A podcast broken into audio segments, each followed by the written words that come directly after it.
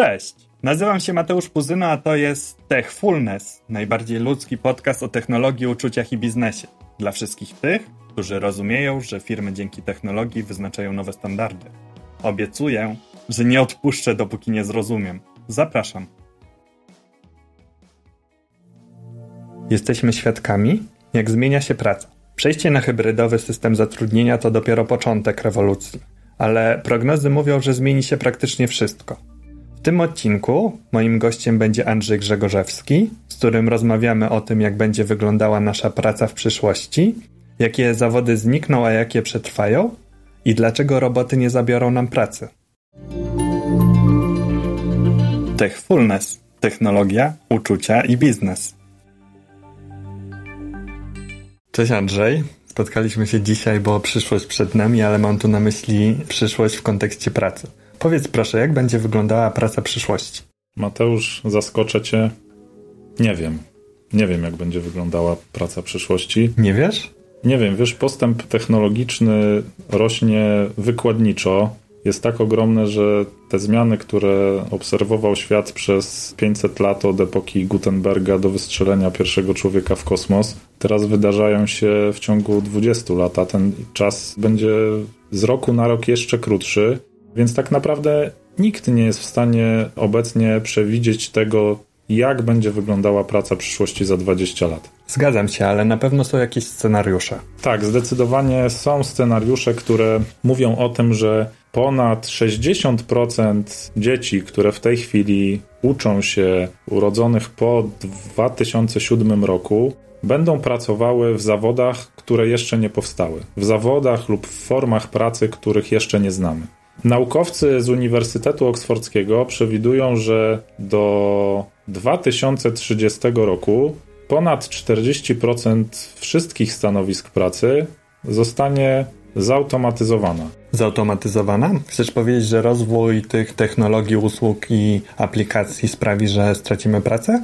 Myślę, że nie stracimy jej jedynie wtedy, kiedy będziemy w stanie się do tego dobrze przygotować, czyli rozwinąć u siebie takie kompetencje, które pozwolą nam w tym, aby do tych nowych środowisk, do nowych zawodów po prostu być przygotowanym i mieć takie kompetencje, które pozwolą nam realizować się w tej nowej rzeczywistości. Podobno kluczowa jest elastyczność, czy to prawda?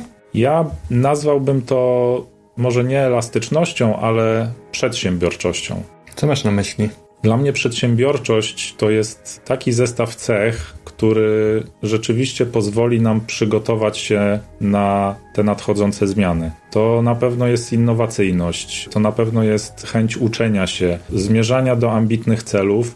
To jest taki zestaw kompetencji, który według mnie będzie kluczowy dla naszego, ale dla przyszłych pokoleń również. Dodatkowo bardzo ciekawym scenariuszem, o którym ostatnio czytałem, jest to, że do 2035 roku szacuje się, że będziemy mieli już około 1 miliarda cyfrowych nomadów. Cyfrowych nomadów? Tak, cyfrowych nomadów, czyli takich pracowników jak ty i ja, którzy będą potrzebowali jedynie sprzętu i stałego łącza IT do tego, aby wykonywać swoją pracę.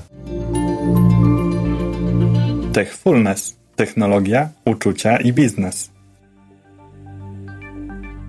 Słyszałem o koncepcji tego, że pracownik przyszłości będzie musiał mieć taką zdolność oduczania się tego, co już umie i uczenia się robienia tego na nowo. Czy to prawda? Na pewno w wielu obszarach tak będzie. Myślę, że takim nawet namacalnym obszarem, który w tej chwili możemy sobie narysować, to jest oduczenie się takiego bezgranicznego zaufania do maszyn, które w tej chwili wykorzystujemy. Maszyny musimy pamiętać, że one pracują w taki sposób, w jaki człowiek je zaprogramuje. Musimy mieć świadomość tego, że na pewne scenariusze ta maszyna nie jest przygotowana. Doskonałym przykładem na to są chociażby wieloletnie prace nad wprowadzeniem do normalnego użytkowania autonomicznego samochodu, które to uwarunkowania uniemożliwiają w tej chwili poruszanie się takich pojazdów po drogach właśnie przez to, że nie jesteśmy w stanie w odpowiedni sposób zaprogramować algorytmów, które będą tym samochodem sterować w taki sposób, aby były w stanie przewidzieć wszelkie scenariusze. Czy mamy jakieś przykłady z przeszłości, które doskonale zobrazują to, że praca, która dzisiaj istnieje, z dnia na dzień może nie istnieć? Tak, nasuwa mi się taki przykład z przeszłości, z końcówki XVI wieku, gdzie brytyjski pastor William Lee, który był wynalazcą pierwszej ręcznej maszyny dziewiarskiej, zaprezentował swoją maszynę królowej Elżbiecie I. I co się stało? Przy pierwszym podejściu, bo takich prób było dwie, przy pierwszym podejściu okazało się, że królowa używa pończoch jedwabnych, a pastor wyprodukował maszynę, która produkowała pończochy wełniane. No tak, duży błąd. Zdecydowanie ogromny. Co ciekawe, z tego co wiem, to pończochy jedwabne kosztowały tyle, co trzymiesięczna pensja nauczyciela w tamtych czasach. W związku z tym pastor postanowił wyprodukować drugą maszynę, która rzeczywiście tkała pończochy z jedwabiu, Natomiast przy drugim podejściu królowa Elżbieta również zablokowała ten pomysł, obawiając się o to, że wprowadzenie takiej innowacji po prostu zabierze pracę jej poddanym. Tak sobie myślę, jak tego słucham, to że wymaga to od nas takiej, ta praca przyszłości, wymaga od nas takiej otwartości i takiej zwinności w tym, co robimy. Zdecydowanie tak. To jest właśnie też ta przedsiębiorczość, o której mówiłem. To jest taki zestaw cech, które pozwolą nam przygotować się do tych zmian, pozyskiwać nowe kompetencje, pracować w nowych środowiskach pracy, współpracować z ludźmi, po prostu być otwartymi i przygotowanymi na to, co na dzień dzisiejszy nie jest do przewidzenia. Czy ja jako Mateusz Puzyno powinienem pakować walizki? Powiedziałeś, że 40% zawodów nie będzie istniało? Myślę, Mateusz, że tutaj bardziej chodzi ci chyba o ten taki przysłowiowy karton. Czy ten karton masz już pakować? Myślę, że z tym możesz się jeszcze wstrzymać. Natomiast ta walizka dla mnie osobiście jest taką fajną metaforą. To znaczy, Warto jest mieć przygotowaną walizkę na niespodziewane podróże, spontaniczne wyjazdy. I to jest dla mnie taka metafora właśnie tego przygotowania do nieoczywistych scenariuszy. To taka nasza gotowość do tego, że ta zmiana będzie i się przed nią nie uchronimy, dlatego warto być przygotowanym? Dokładnie tak i myślę, że ci, którzy będą mieli tę walizkę przygotowaną albo będą sprawnie i szybko potrafili ją spakować, rzeczywiście odnajdą się w tej nowej rzeczywistości, a pozostali po prostu zostaną w domu. Ja mam taki fajny przykład chłopaka, który wyprowadza mojego psa i on kiedyś do mnie przyszedł i mówi tak, panie Mateuszu, te nauczanie zdalnie jest bez sensu. Ja nie będę w tym uczestniczył. A ja mówię do niego tak, Gutek, słuchaj, ale każdy jest w tej nowej sytuacji. Pomyśl nad tym, że jeżeli ty chętniej wejdziesz w tą naukę zdalną, to będziesz miał dużą przewagę przed osobami, które w to nie wejdą w związku z czym ty będziesz miał lepsze wyniki, no i prawdopodobnie w życiu poradzisz sobie lepiej. I on mówi, aha, panie Mateuszu, faktycznie tak jest, ja się będę starał do tego, żeby zaadoptować się do tej zmiany szybciej niż moi koledzy. Czy o to w tym chodzi? Tak, ta sytuacja sprzed półtora roku rzeczywiście pokazała, że ta gwałtowna potrzeba wprowadzenia ludzi do świata wirtualnej rzeczywistości, spotkań, to co widzieliśmy na przykładzie naszych dzieci które właściwie z dnia na dzień musiały nabyć nowe kompetencje, potrafić poruszać się w środowisku nauczania zdalnego, komunikować się z nauczycielami poprzez elektroniczne platformy. Dotyczyło to w takim samym stopniu nas, pracowników, gdzie też nasze bezpośrednie relacje z biura musieliśmy zastąpić relacjami wirtualnymi. Nasze kontakty z klientami musieliśmy przenieść na platformy komunikatorów internetowych i wiem już teraz z doświadczenia, że na pewno ten model pracy takiej hybrydowej zostanie z nami na dłużej. No właśnie, powiedz coś więcej, jak firmy przygotowują się do tej nowej normalności. Nowa normalność, trudne sformułowanie. Dla mnie nowa normalność przede wszystkim zaczęła się już wiele lat temu. Pracując w Siemensie, my przygotowywaliśmy się do takiej pracy hybrydowej, zanim jeszcze właśnie wystąpiła pandemia koronawirusa. Używasz sformułowania praca hybrydowa. O co tu chodzi? Praca hybrydowa to wykorzystywanie takiej wielokanałowości, zarówno jeżeli chodzi o formę wykonywania pracy, jak i formę kontaktów z klientami. Dla mnie to jest taka elastyczność, w jaki sposób wykonujemy swoje zadania, to jest odejście od takiego standardowego ośmiogodzinnego trybu pracy. To jest po prostu zaufanie też mojego menadżera do mnie, że będę realizował zadania w takim miejscu, w takim czasie, które po pierwsze zagwarantuje wykonanie tych zadań, a po drugie będzie umożliwiało mi również zadbanie o tak zwany work-life balance. Czy ja dobrze rozumiem, że w tej hybrydowej pracy chodzi o to, że część swoich obowiązków będziemy wykonywać online na spotkaniach zdalnych i tylko te konieczne, na przykład budujące relacje z klientem, będziemy odbywać offline'owo? Tak, i z perspektywy czasu mogę powiedzieć, że to jest jedynie słuszna droga. Skupienie się jedynie na kontaktach wirtualnych wiemy z doświadczenia, że będzie bardzo ryzykowne w kontekście takich relacji międzyludzkich. My to teraz już naprawdę na naszym przykładzie widzimy, że jako istoty społeczne potrzebujemy tego bezpośredniego kontaktu. No zdecydowanie bez dwóch zdań. Dlatego na pewno firmy, które będą faktycznie chciały wykorzystać ten hybrydowy model pracy, czyli część zadań, które można realizować czy z domu, czy z dowolnego miejsca na świecie, co też w jakiś sposób uelastyczni to podejście do pracowników, na pewno wygrają w stosunku do tych firm, które będą zmuszały, i to mówię z pełną odpowiedzialnością, pracowników do pracy 100% w biurze. Oczywiście są takie zawody, które wymagają pracy on-site, natomiast zdecydowana większość zajęć, na przykład naszych handlowych dotyczących sprzedaży, może być realizowana hybrydowo. I to się dzieje już od kilku lat. No ale jakie są zalety? Czym konkretnie my będziemy bardziej bądź mniej konkurencyjni, jeżeli my wejdziemy w ten nowy model pracy, bądź nie? Myślę, że te firmy, które będą w stanie wykorzystać ten potencjał, który tkwi w pracy hybrydowej, zdecydowanie wygrają. Już nawet nasi klienci, którzy też dostrzegają korzyści płynące z tego typu pracy, wykorzystują to, że mogą spotkać się w szerokim gronie ze specjalistami z całego świata po prostu online Natomiast wszelkie takie koncepcyjne prace odbywać właśnie już w rzeczywistości dużo sprawniej i szybciej będą w stanie odpowiadać na takie zmieniające się potrzeby, reagować na zmiany, które będą zachodziły na rynku. I to będzie niekwestionowaną przewagą konkurencyjną tego typu przedsiębiorstw. Powiedziałeś, że firmy dużo wcześniej niż ten cały przewrót na rynku pracy zaczęły się już do tego przygotowywać. Powiedz coś więcej. To jest ważne, żeby tą nową normalność, nową rzeczywistość rzeczywiście oddzielić od tego, co wydarzyło się półtora roku temu. Oddzielić od pandemii koronawirusa. To był taki wyzwalacz, który rzeczywiście bardzo przyspieszył te zmiany. Natomiast rzeczywiście zwinne organizacje, które przygotowywały się już do tego, że zmienia się rynek, zmieniają się potrzeby klientów, zaczęły oferować swoim pracownikom możliwość właśnie takiego elastycznego czasu pracy, możliwość pracy hybrydowej, czyli wykonywania części obowiązków z biura, pracy koncepcyjnej, pracy zespołowej, a części pracy po prostu w domu. Techfulness technologia, uczucia i biznes.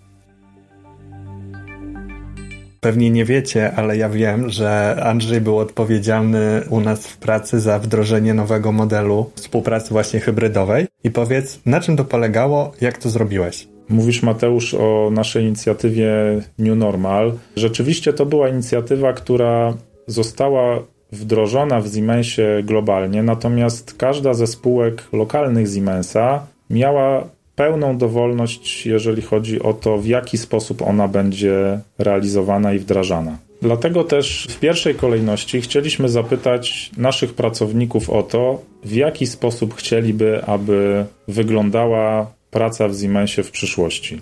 Postanowiliśmy skupić się na takich trzech głównych obszarach. Pierwszym z nim była kultura organizacyjna w firmie i przywództwo. Drugim była praca hybrydowa i wszelkie aspekty związane ze zdalną pracą, z narzędziami pracy, ze stanowiskiem pracy. I trzecim obszarem był właśnie ten well-being, taki dobrostan pracowników. I poprosiliśmy pracowników o to, żeby do każdego z tych obszarów wskazali takie kluczowe aspekty, takie elementy, na których przede wszystkim zależałoby im, aby były w Siemensie rozwijane. I na podstawie takiej grupowej pracy powstała lista zadań, celów, którymi zajął się ponad 50-osobowy zespół z różnych miejsc naszej firmy, które są realizowane właśnie w taki zwinny sposób, gdzie pracujemy w mniejszych grupach, staramy się dowodzić mniejsze cele, które po prostu łatwiej jest nam skwantyfikować, opisać i realizować i dostarczać taką wartość wszystkim naszym pracownikom. W pierwszej kolejności skupiliśmy się na tym, aby zabezpieczyć dla naszych pracowników tą infrastrukturę IT na takim poziomie, aby można z niej było efektywnie korzystać. Czy ja dobrze rozumiem z tą infrastrukturą? Chodziło o to, żeby te narzędzie działało na tyle sprawnie, żebyśmy my swobodnie z domu, przy naszym łączu internetowym mogli z nich skorzystać. Dokładnie tak. Skupiliśmy się na tym, aby każdy z pracowników, który pracuje zdalnie, miał jak najlepsze połączenie sieciowe z wewnętrzną siecią Siemensa. Chodziło również o to, aby w tym bardzo trudnym czasie zadbać o ten dobrostan fizyczny i psychiczny pracowników. I tutaj muszę powiedzieć, że nasza grupa robocza naprawdę zrobiła kawał dobrej roboty w tym zakresie. Mieliśmy cotygodniowy status sytuacji covidowej w naszej organizacji. Sama pani prezes spotykała się twarzą twarz, można tak powiedzieć, ze swoimi co tydzień ze swoimi pracownikami, żeby przekazywać aktualne, zweryfikowane informacje na temat koronawirusa, o tym, jak będziemy reagować na liczbę zakażeń, no ale też o tym, jakie udoskonalenia wprowadzaliśmy, co nas czeka. Tak, i to była taka forma komunikacji, która była bardzo otwarta, szczera, choć nie zawsze łatwa, i z mojego punktu widzenia jako pracownika gwarantowała mi bardzo dobre poinformowanie o aktualnej sytuacji w firmie. O tym, czy i w jakim gronie możemy się spotykać właśnie w naszych zespołach, czy i kiedy możemy po prostu rozpocząć normalną pracę na rynku z klientami. Z mojego punktu widzenia to było naprawdę ważne, jeżeli chodzi o taki mój dobrostan jako pracownika. Jak sobie o tym myślę, to empatia zdecydowanie jest czymś bardzo ważnym. No ale co z kontrolą? Jak możemy skontrolować pracownika podczas pracy hybrydowej? Jak to kiedyś ktoś powiedział, kontrola najwyższą formą zaufania. Oczywiście żartuję. Tutaj naprawdę, szczególnie w kontekście tej hybrydowej pracy, a wcześniej jeszcze pracy całkowicie zdalnej, kluczowe jest zaufanie. Zaufanie po pierwsze menadżera do pracownika, że to, na co się umówili, będzie zrobione, a po drugie, pełna odpowiedzialność pracownika za to, w jaki sposób i kiedy i jak dowozi wyznaczone cele.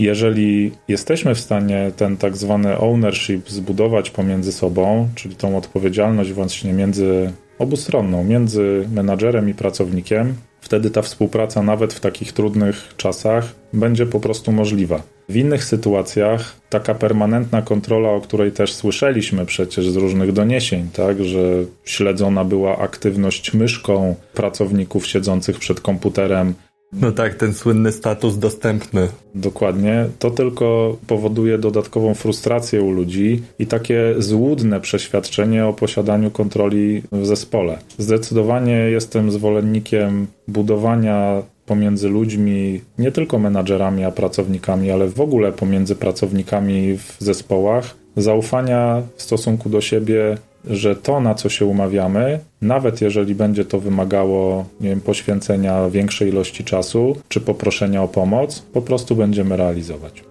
Czy to również chodzi o ten dialog pomiędzy stronami i tą ciągłą rozmowę, badanie swoich potrzeb, komunikowanie tego, co nam leży na sercu, zarówno z jednej i z drugiej strony? Tak, to mówisz Mateusz o umiejętności też przekazywania takiego ciągłego feedbacku, przekazywania informacji zwrotnej o tym, jak nam się pracuje, czego potrzebujemy, na co powinniśmy zwrócić większą uwagę i z drugiej strony, w jaki sposób my jesteśmy przygotowani do przyjmowania takiego feedbacku. To jest rzeczywiście ważna kompetencja, którą powinniśmy rozwijać, aby właśnie to zaufanie, o którym wcześniej mówiłem, budować, bo nic lepiej nie zbuduje takiego zaufania niż to, że będziemy po pierwsze świadomi tego, w czym jesteśmy dobrzy, a po drugie świadomość tego, nad czym jeszcze ewentualnie powinniśmy wspólnie pracować. Bardzo dobrym przykładem na to, w jaki sposób skutecznie można przekazać odpowiedzialność do pracowników, jest taka nowa inicjatywa, która ma na celu zbudowanie nowego modelu sprzedaży przez internet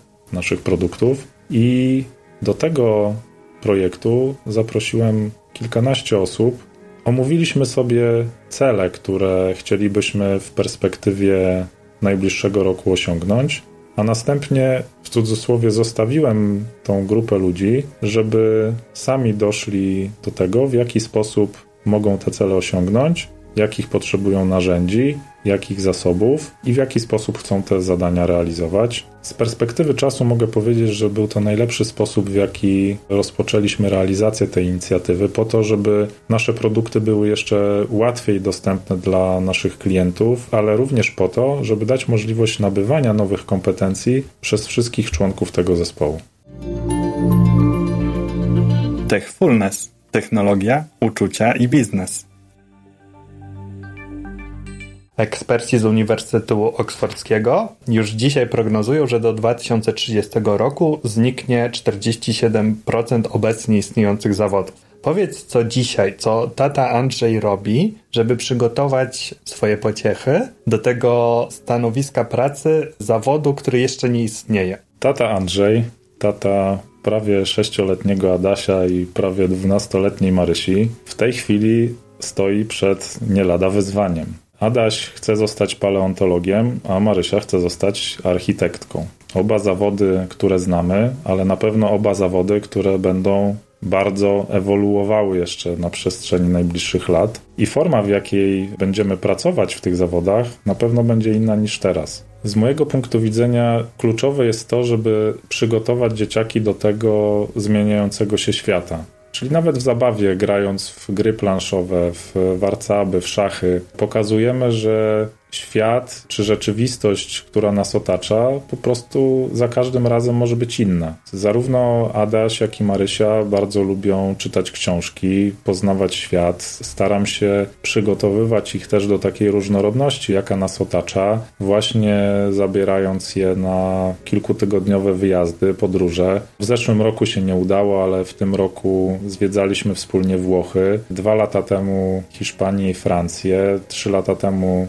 Portugalię. Chcieliśmy i na pewno nadal chcemy, żeby dzieciaki były oswojone właśnie z taką różnorodnością, która nas otacza. Jezu, jak na to patrzę, bo wy tego nie widzicie, ale jak Andrzej o tym opowiada, to na jego twarzy rysuje się uśmiech, to myślę sobie, że twoje dzieciaki mają dużo szczęścia.